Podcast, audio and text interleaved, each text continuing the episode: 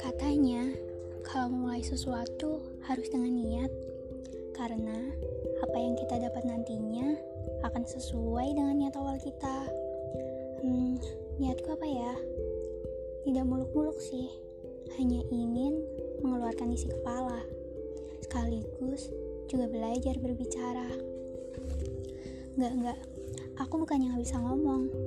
Aku suka sekali mengobrol dengan orang lain. Namun, lucunya, aku kesulitan saat berbicara di depan umum. Beda rasanya mengobrol dengan orang dan berbicara di depan banyak orang. Mungkin rasa takutku berlebihan ya dalam memikirkan pendapat orang lain tentang public speakingku. Cemen ya.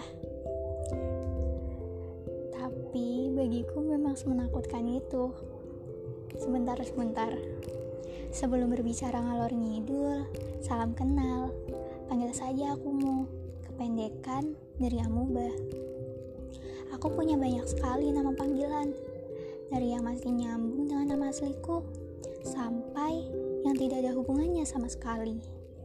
Seperti Nanas, Nezi, dan Amuba. Tapi kamu cukup memanggilku saja ya. Biar beda.